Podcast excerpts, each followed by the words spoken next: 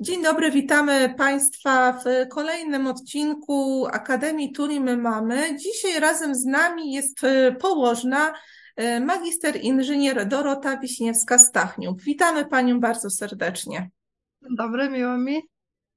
E, dzisiaj z Panią Dorotą Wiśniewską-Stachniuk chciałybyśmy poruszyć temat pierwszych zabiegów i badań noworodka, czyli właściwie to, co dzieje się z dzieckiem od momentu e, narodzin, co może, może dziać się e, w szpitalu tuż po e, narodzinach.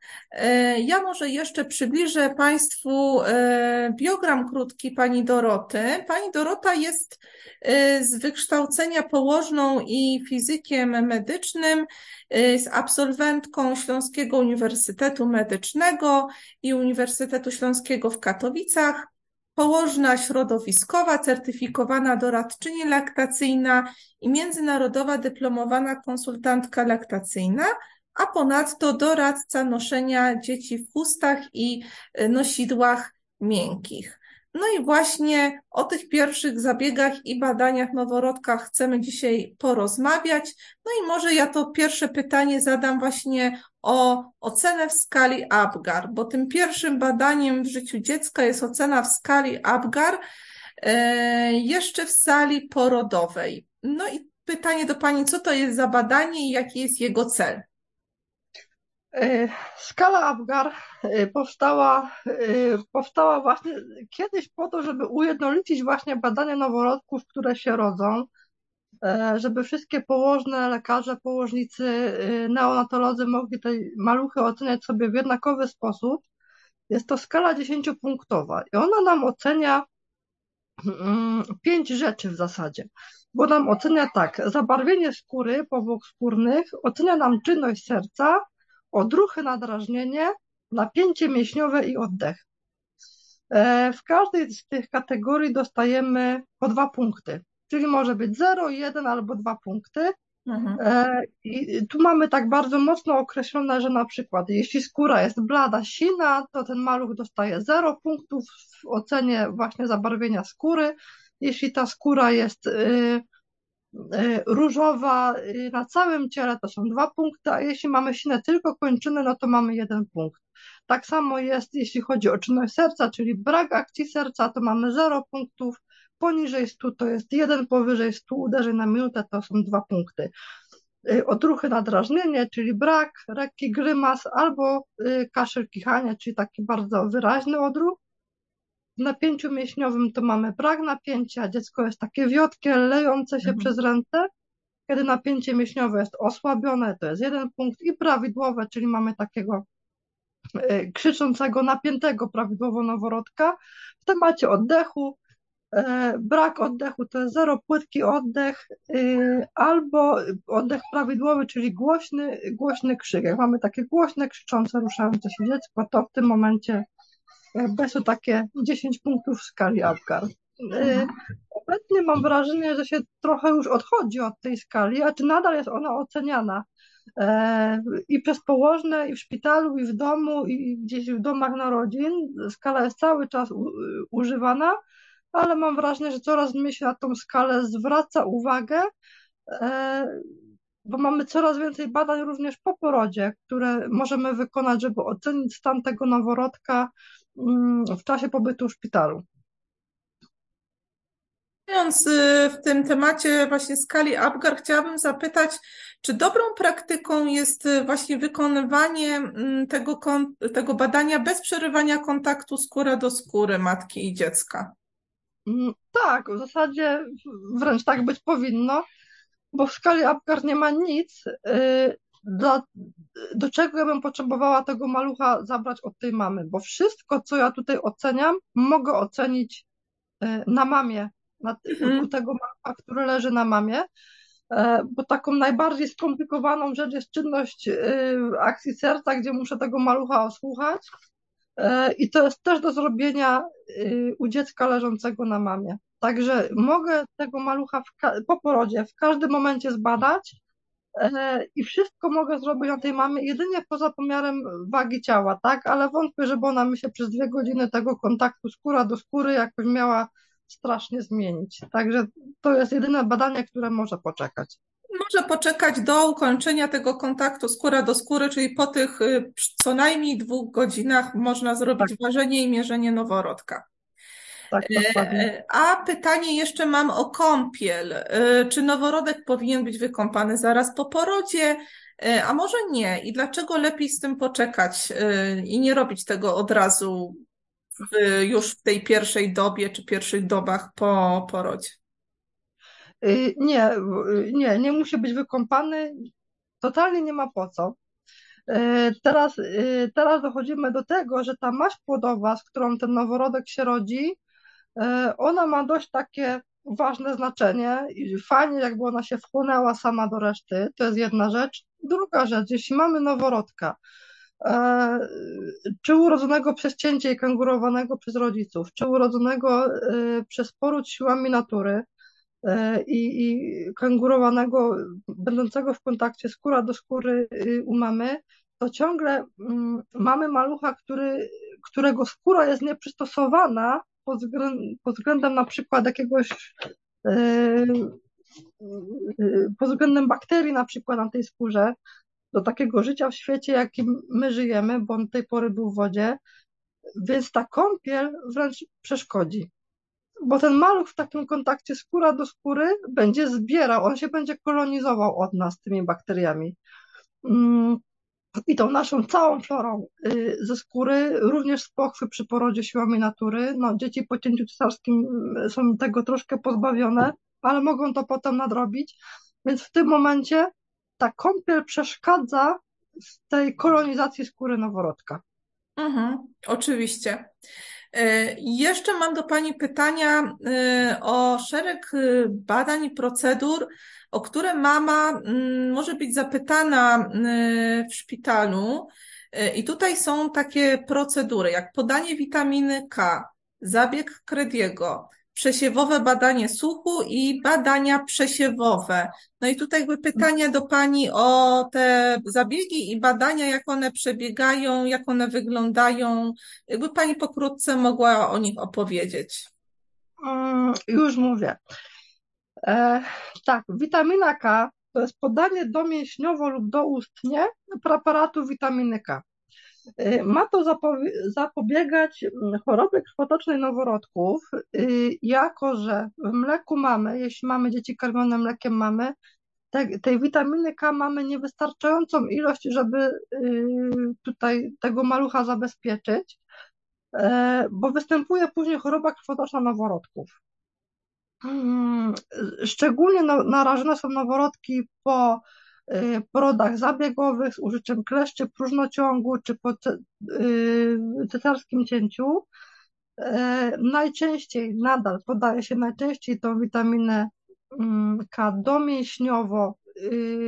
Kiedy się ją podaje, to jest po pierwszej godzinie życia najwcześniej. Może też być takie coś, że rodzice się nie zgadzają na podanie witaminy domięśniowo, to się wtedy podaje doustnie warunek jest wtedy taki, że ten maluch jak wraca do domu, to później powinien mieć tą witaminę K doustnie podaną jeszcze raz. Yy, ponownie. Yy, no i tam potem sugerując się badaniami naukowymi jest dużo, mniej, dużo mniejszy, a prawie żaden odsetek tych, yy, tych powikłań krwotocznych u noworodków. Co do zabiegu Kredego. Tutaj tak trochę prywatnie widzę, że w ogóle dużo rodziców odchodzi trochę od tego zabiegu kredego, y, ale w ogóle czym to jest? To jest podanie jednoprocentowego roztworu y, azotanu srebra do oczu dziecka albo maści z erytrometyną, również do oka. I to się podaje y, na przykład jeszcze na sali porodowej tuż po kontakcie skóra do skóry. Czyli jest taka robota jeszcze położnych sali porodowej, które przygotowują tego malucha po porodzie do przekazania go na oddział, yy, na oddział noworodkowy. Yy, jest to zalecenie z Polskiego Towarzystwa Neonatologicznego i Polskiego Towarzystwa Okulistycznego i ma to zapobiega, zapobiegać zapaleniu żączkowemu spojówek. I, I tutaj właśnie widzę tę tendencję do odchodzenia od tego zabiegu właśnie ze względu na to, że te mamy wiedzą albo mają zrobione badania, że nie mają, że, że, Boże, że nie mają rzeżączki. E, no więc to jest taki moment, że y, tutaj warto sobie to rozważyć. Często też na przykład w porodach domowych mam wrażenie, że mamy też odchodzą od tego zabiegu. Mm, I na pewno tu się składają częściej niż przy na przykład witaminie K. Jeśli chodzi o badanie słuchu, badanie słuchu to jest powszechny program przesiewowego badania słuchu noworodków. Jest ono gdzieś od 2000 czy tam 2001 roku dopiero i wszystko w ogóle to jest fundacja yy, Owsiaka. Jakby oni ten program stworzyli yy, i jakby cały ten sprzęt też jest od nich. Yy, dlaczego to powstało? Na zasadzie takiej, że wszystkie noworodki, które mogą mieć obustronny niedosłuch, one y, powinny być diagnozowane do trzeciego miesiąca życia. Bez tego programu przesiewowego było to trochę problematyczne, teraz jest prościej. Y, to jest nie tylko samo badanie, bo badanie to jest badanie otoemisji akustycznej, takie same zresztą jak się robi tak dość powszechnie u starszych dzieci, jeśli mamy jakiekolwiek podejrzenia. Mm, robi się je w drugim, trzecim dniu życia ale ten, to badanie jeszcze jest oparte o taki dość solidny wywiad, czyli dzieciaki, które, którym się, które się uważa, że ma ten wywiad obciążony, to również będą dzieci zdrowych rodziców, ale które na przykład są wcześniakami albo długo były na ojomie, e, albo miały podane jakieś konkretne leki właśnie w tym wczesnym, wczesnym etapie po porodzie. Co nam jeszcze zostało? To nam zostały badania przesiewowe. Y, to są badania, które się pobiera na bibułkę i ci rodzice w szpitalu zawsze mają tą bibułkę, jak nie pokazaną, to wytłumaczoną, bo są takie ulotki specjalne. Te same badania się pobiera przy porodach w domu. E, to jest tak, że jest taka specjalna bibułka, na którą się pobiera krew głośniczkową, z której się bada y, choroby metaboliczne. I to będzie, teraz już to będzie również SMA, będzie to fenyloketonuria, mukowiscydoza, yy, hipotyreoza, albo pomyliłam, yy, niedoczynność tarczycy. Yy, na zasadzie takiej, że te badania się pobiera teraz, kiedy jeszcze nie ma objawów tych chorób. Najczęściej to jest tak, że to są choroby na tyle z, z silnym przebiegiem, że jak mamy objawy, to już jest troszkę za późno. Y, że te maluchy powinny być leczone dużo, dużo wcześniej, żeby im można było pomóc albo przynajmniej troszkę złagodzić przebieg tej choroby. I te badania są również pobierane przy porodach w domu. Położne, rodzą, które rodzą z pacjentkami w domu, również pobierają te badania na takie same bibułki. To się wysyła później do Katowic, znaczy tutaj u nas to, to są Katowice, do wojewódzkiej stacji i do Warszawy jako do stacji ogólnopolskiej. Są zawsze dwie bibułki. E, rodzice są tego zawsze świadomi, bo na wszystkie te badania, o których teraz rozmawiamy, rodzic powinien podpisać świadomą zgodę. Na każde badanie ma być podpis rodzica zgadzającego się na to. E, coś, co tu jest ważne, to to, że fajnie jakby ci rodzice wiedzieli o, o tych badaniach jeszcze przed porodem, e, żeby też mieli swoje zdanie. Tak, żeby wiedzieli, na co się zgadzają, a nie, no, no wszyscy robią, no to ja też a, a potem będzie, a my byśmy w ogóle tego nie chcieli na przykład. Mhm. No jasne. No. E, ja tu jeszcze może zapytam o szczepionki, ale w kontekście takim, że mhm. Noworodkowi mogą być podane już w szpitalu te szczepionki. Oczywiście rodzic też y, będzie za to zapytany o zgodę. Y, no a co w mhm. przypadku, jeżeli poród odbywał się w domu? No to wtedy y, kiedy najlepiej w tym przypadku udać się na szczepienie? Tak szczerze, to w dużej mierze to zależy od rodzica. Mm, bo są rodzice, którzy rodzą w domu, którzy w ogóle nie chcą szczepić. E, Y, a kiedy się w ogóle, jeśli rodzice są, są y, po porodzie w domu i chcą zaszczepić, to w zasadzie jak najszybciej. Po porodzie w domu, jeśli są wskazane, pobiera się też badania krwi u tego malucha, to robi położna, która przyjeżdża, bada sobie tego, tego malucha tak, jak jakby obserwuje go tak, jak się go obserwuje w szpitalu, pobiera, y, pobiera krew nie tylko na te badania przesiewowe, ale również do, do badań laboratoryjnych, które się wykonuje prywatnie I często jest tak, że po wyniku tych, y, po uzyskaniu wyników z tych badań, dopiero wtedy na przykład rodzice udają się do pediatry w celu zaszczepienia, bo pediatra już wcześniej na ogół był w domu też, ale jako wizyta szczepienna to jest najczęściej po tych pierwszych wizytach krwi. Mm, I no, te, te szczepionki wykonuje się w przychodni. E, ja na przykład y, pracuję w przychodni, która wiem, że szczepi takimi szczepionkami e, i na gruźlicę, i na wirusowe zapalenie wątroby typu B, że szczepią właśnie bez problemu w przychodni.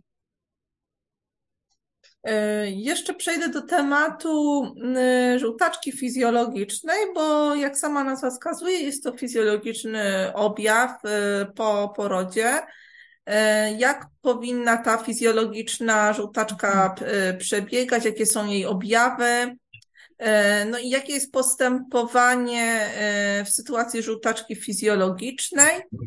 A co z kolei zrobić, kiedy ta żółtaczka nam się niepokojąco y, przedłuża? I żółtaczka, jeśli chodzi o takie pierwsze objawy, to na pewno będzie zarzucenie powłok skórnych. Czyli ten noworodek się nam po prostu zrobi żółty. Kolejna rzecz, on się nam zrobi też taki bardzo spokojny. I tak, żółtaczka y, jest jakby takim skutkiem ubocznym rozpadu hemoglobiny. Powstaje bilirubina, która potem powinna być metabolizowana w wątrobie, która ma trochę za dużo roboty z tą bilirubiną, e, więc mamy jakby trochę zanieczyszczony ten organizm tą bilirubiną i jako, że mamy w układzie krwionośnym dużo tej, tego e, żółtego Y, odpadu, tej bilirubiny, to w tym momencie nam się zarzucają powłoki skórne. I maluch nam się najprościej, można to opisać, zarzuca od góry, czyli zawsze mamy pierwszą żółtą głowę, tułów, dekolt tułów, potem mamy ramiona, uda, no i te części najbardziej dystalne, czyli czyli y, jakby ręce, paluch, dłonie i, i, i podudzia i stopy. W szpitalu się ten poziom bilirubiny sprawdza bilirubinometrem lub z badania, jako badania krwi. W domu większość położnych, podejrzewam, ocenia to na oko, ale nie tak, że a może tak, a może nie, tylko jest skala oceny właśnie żółtaczki, y, czy ona jest fizjologiczna, czy jeszcze nie. I to jest skala oceny Kramera. I to jest skala, którą się posługują na pierwszy rzut oka, myślę, że wszyscy pediatrzy i dopiero na podstawie tej skali, tak samo ja, czyli te położne środowiskowe, jakby zlecają y, badania krwi w kierunku bilirubiny, mm, czy jest ona za duża, czy nie. Co się dzieje, kiedy żółtaczka jest fizjologiczna? budzi się tego malucha na karmienie, bo on może być troszkę bardziej senny niż normalnie, więc się go normalnie budzi na karmienie. Jeśli obserwujemy y, przyrosty masy ciała, obserwujemy, że maluch zajada y, z piersi prawidłowo, y, wiadomo, budzony, ale jeśli do tego oddaje stolce i mocz prawidłowo, to się nie ma czym niepokoić. Czyli jakby my mu trochę pomagamy w rozruszeniu tego, tego metabolizmu, Y, w przypadku żółtaczki takiej niefizjologicznej, to tu się wspomagamy naświetlaniem, mm, naświetlaniem lampami y, w szpitalu, w szpitalu najczęściej. W domu rzadziej, najczęściej to jest jeszcze, to są jeszcze doby szpitalne i często wtedy też się słyszy, że mama musiała zostać dłużej ze względu na żółtaczkę u noworodka. I to są takie lampy, które nam dają takie fioletowe światło, Mm, ona pomaga w, w rozbiciu tej bilirubiny, e, z poradzeniem sobie z metabolizmem tej bilirubiny w, y, w organizmie tego małego y, człowieka. Co, co się w ogóle robi poza tym, to na pewno się karmi piersią, czyli tu się nie robi, nie robi się przerwy i obecnie już nie jest wskazaniem do podania mieszanki jako mleka zastępczego w momencie, kiedy mamy przedłużającą się albo nasiloną żółtaczkę. Nie, czyli robi się dalej kontrolę tej bilirubiny, ale jakby nie neguje tego karmienia piersią. Czyli zarówno w sytuacji żółtaczki fizjologicznej, która samoistnie w tych pierwszych dobach od porodu Mhm. mija, y, jak i w przypadku żółtaczki mm, przedłużającej się, y, tutaj y, na pewno remedium i bardzo dużym wsparciem będzie mleko mamy, także karmienie piersią na żądanie tak często jak noworodek tego potrzebuje. No i jeszcze... No, a w tym momencie, sorry, że tak wejdę w słowo, tak. ale w tym momencie to tak się akurat, ta żółtaczka się zbiega z nawałem pokarmu mamy. Więc w tym momencie tak bardzo fajnie nabiera sens karmienia na żądanie, bo wchodzi nam w tym momencie karmienie na żądanie mamy. Kiedy maluch nam się zaczyna robić taki śpiący, bo walczy z tą żółtaczką, to mama zaczyna mieć potrzebę karmienia, bo ma nawał pokarmu, więc to się tak troszkę uzupełnia. Uzupełniają się wzajemnie, mhm. dokładnie tak. Ja jeszcze mam ostatnie pytanie dotyczące e, właśnie już te, tego momentu, kiedy mm, na szczęście nic się nie dzieje i maluch i mama mogą e, w tej, w tej trzeciej dobie, najczęściej to się dzieje, opuszczają ten szpital, mogą jechać do domu. E, no i kiedy znowu właśnie dziecko powinno być zbadane po opuszczeniu szpitala i co konkretnie by, powinno być wtedy zbadane? E, to jest tak, w pierwszej, w pierwszej linii, jeśli chodzi o taką kontynuację opieki poszpitalnej, to jest to położna POZ, czyli położna środowiskowa, położna rodzinna, zamiennie nazwy są jeszcze używane. Mm, kiedy, czyli pierwszy kontakt to jest w dniu wypisu ze szpitala, fajnie jakby ci rodzice się skontaktowali z tą położną i ona od momentu kontaktu z rodzica, czyli nie od momentu wypisu ze szpitala, od momentu kontaktu rodzica, ta, ta położna ma 48 godzin, czyli dwa dni robocze, żeby do tego malucha przyjść. I to jest taki pierwszy kontakt e, dalej gdzieś tam z tym medykiem, co ta położna robi. Na pewno ona ocenia na przykład ssanie, karmienie piersią, ocenia y, również odruchy noworodkowe, posługując się skalą Kramera, również ocenia tą żółtaczkę, bo czasami jest tak, że ta żółtaczka dopiero w domu się nasila. Mm, co jeszcze? Na pewno ilość mikcji i stolców, czy ten maluch jakby odpowiednio robi siku i kubki, czy sobie radzi na przykład z tą żółtaczką i, i z, karmieniem, z karmieniem piersią. Mm, I, I to są jakby te pierwsze, to są wizyty patronażowe i na ogół szpital się upewnia, czy, czy położna o tym wie, czyli na przykład tutaj w Katowicach niektóre szpitale y, albo chcą karteczkę z pieczątką moją, albo do mnie dzwonią, że taka i taka pani wyszła do domu i czy ja potwierdzam bądź nie opiekę nad tym noworodkiem. E, kolejnym y, jakby medykiem na drodze tego noworodka to jest wizyta patronażowa u lekarza pediatry, to jest lekarz położony do tego malucha. To jest w zasadzie bardzo podobna wizyta do tej mojej pierwszej, tylko taka trochę bardziej rozbudowana, czyli ten pediatra na pewno sobie jeszcze tego malucha osłucha, na pewno sprawdzi y, y, wszystkie odruchy, napięcie mięśniowe. E, I ja i ten lekarz zbieramy sobie dokładny wywiad, bo to znowu trzeba wszystko potem, nie, całą dokumentację jakby tworzyć w takim środowisku. Mm, książeczka noworodka sobie y, tam zaznacza, że fajnie, żeby tego pediatrę odwiedzić między pierwszym i czwartym tygodniem życia noworodka. Nie jako taki patronaż, i dopiero jako kolejną wizytę, jeśli mamy zdrowego malucha, dopiero kolejną wizytą jest ta wizyta szczepienna, czyli po szóstym tygodniu życia. E, więc tutaj jakby mamy szpital, potem mamy położną POZ-u w ramach tych wizyt patronażowych i w międzyczasie razem z tym nam potem skakuje lekarz POZ-u, e, jakby, że on potem przejmuje dalszą, dalszą już opiekę. A nie słyszę. E, już mówię? E, dalszą, dalszą opiekę poza tym nam też porządkuje ta książeczka zdrowia, mhm. bo te dalsze wizyty mamy odnotowywane z tyłu książeczki zdrowia, są, są daty wraz właśnie z miejscem, żeby, żeby nam zaznaczano kolejne mm, szczepienia w przychodni.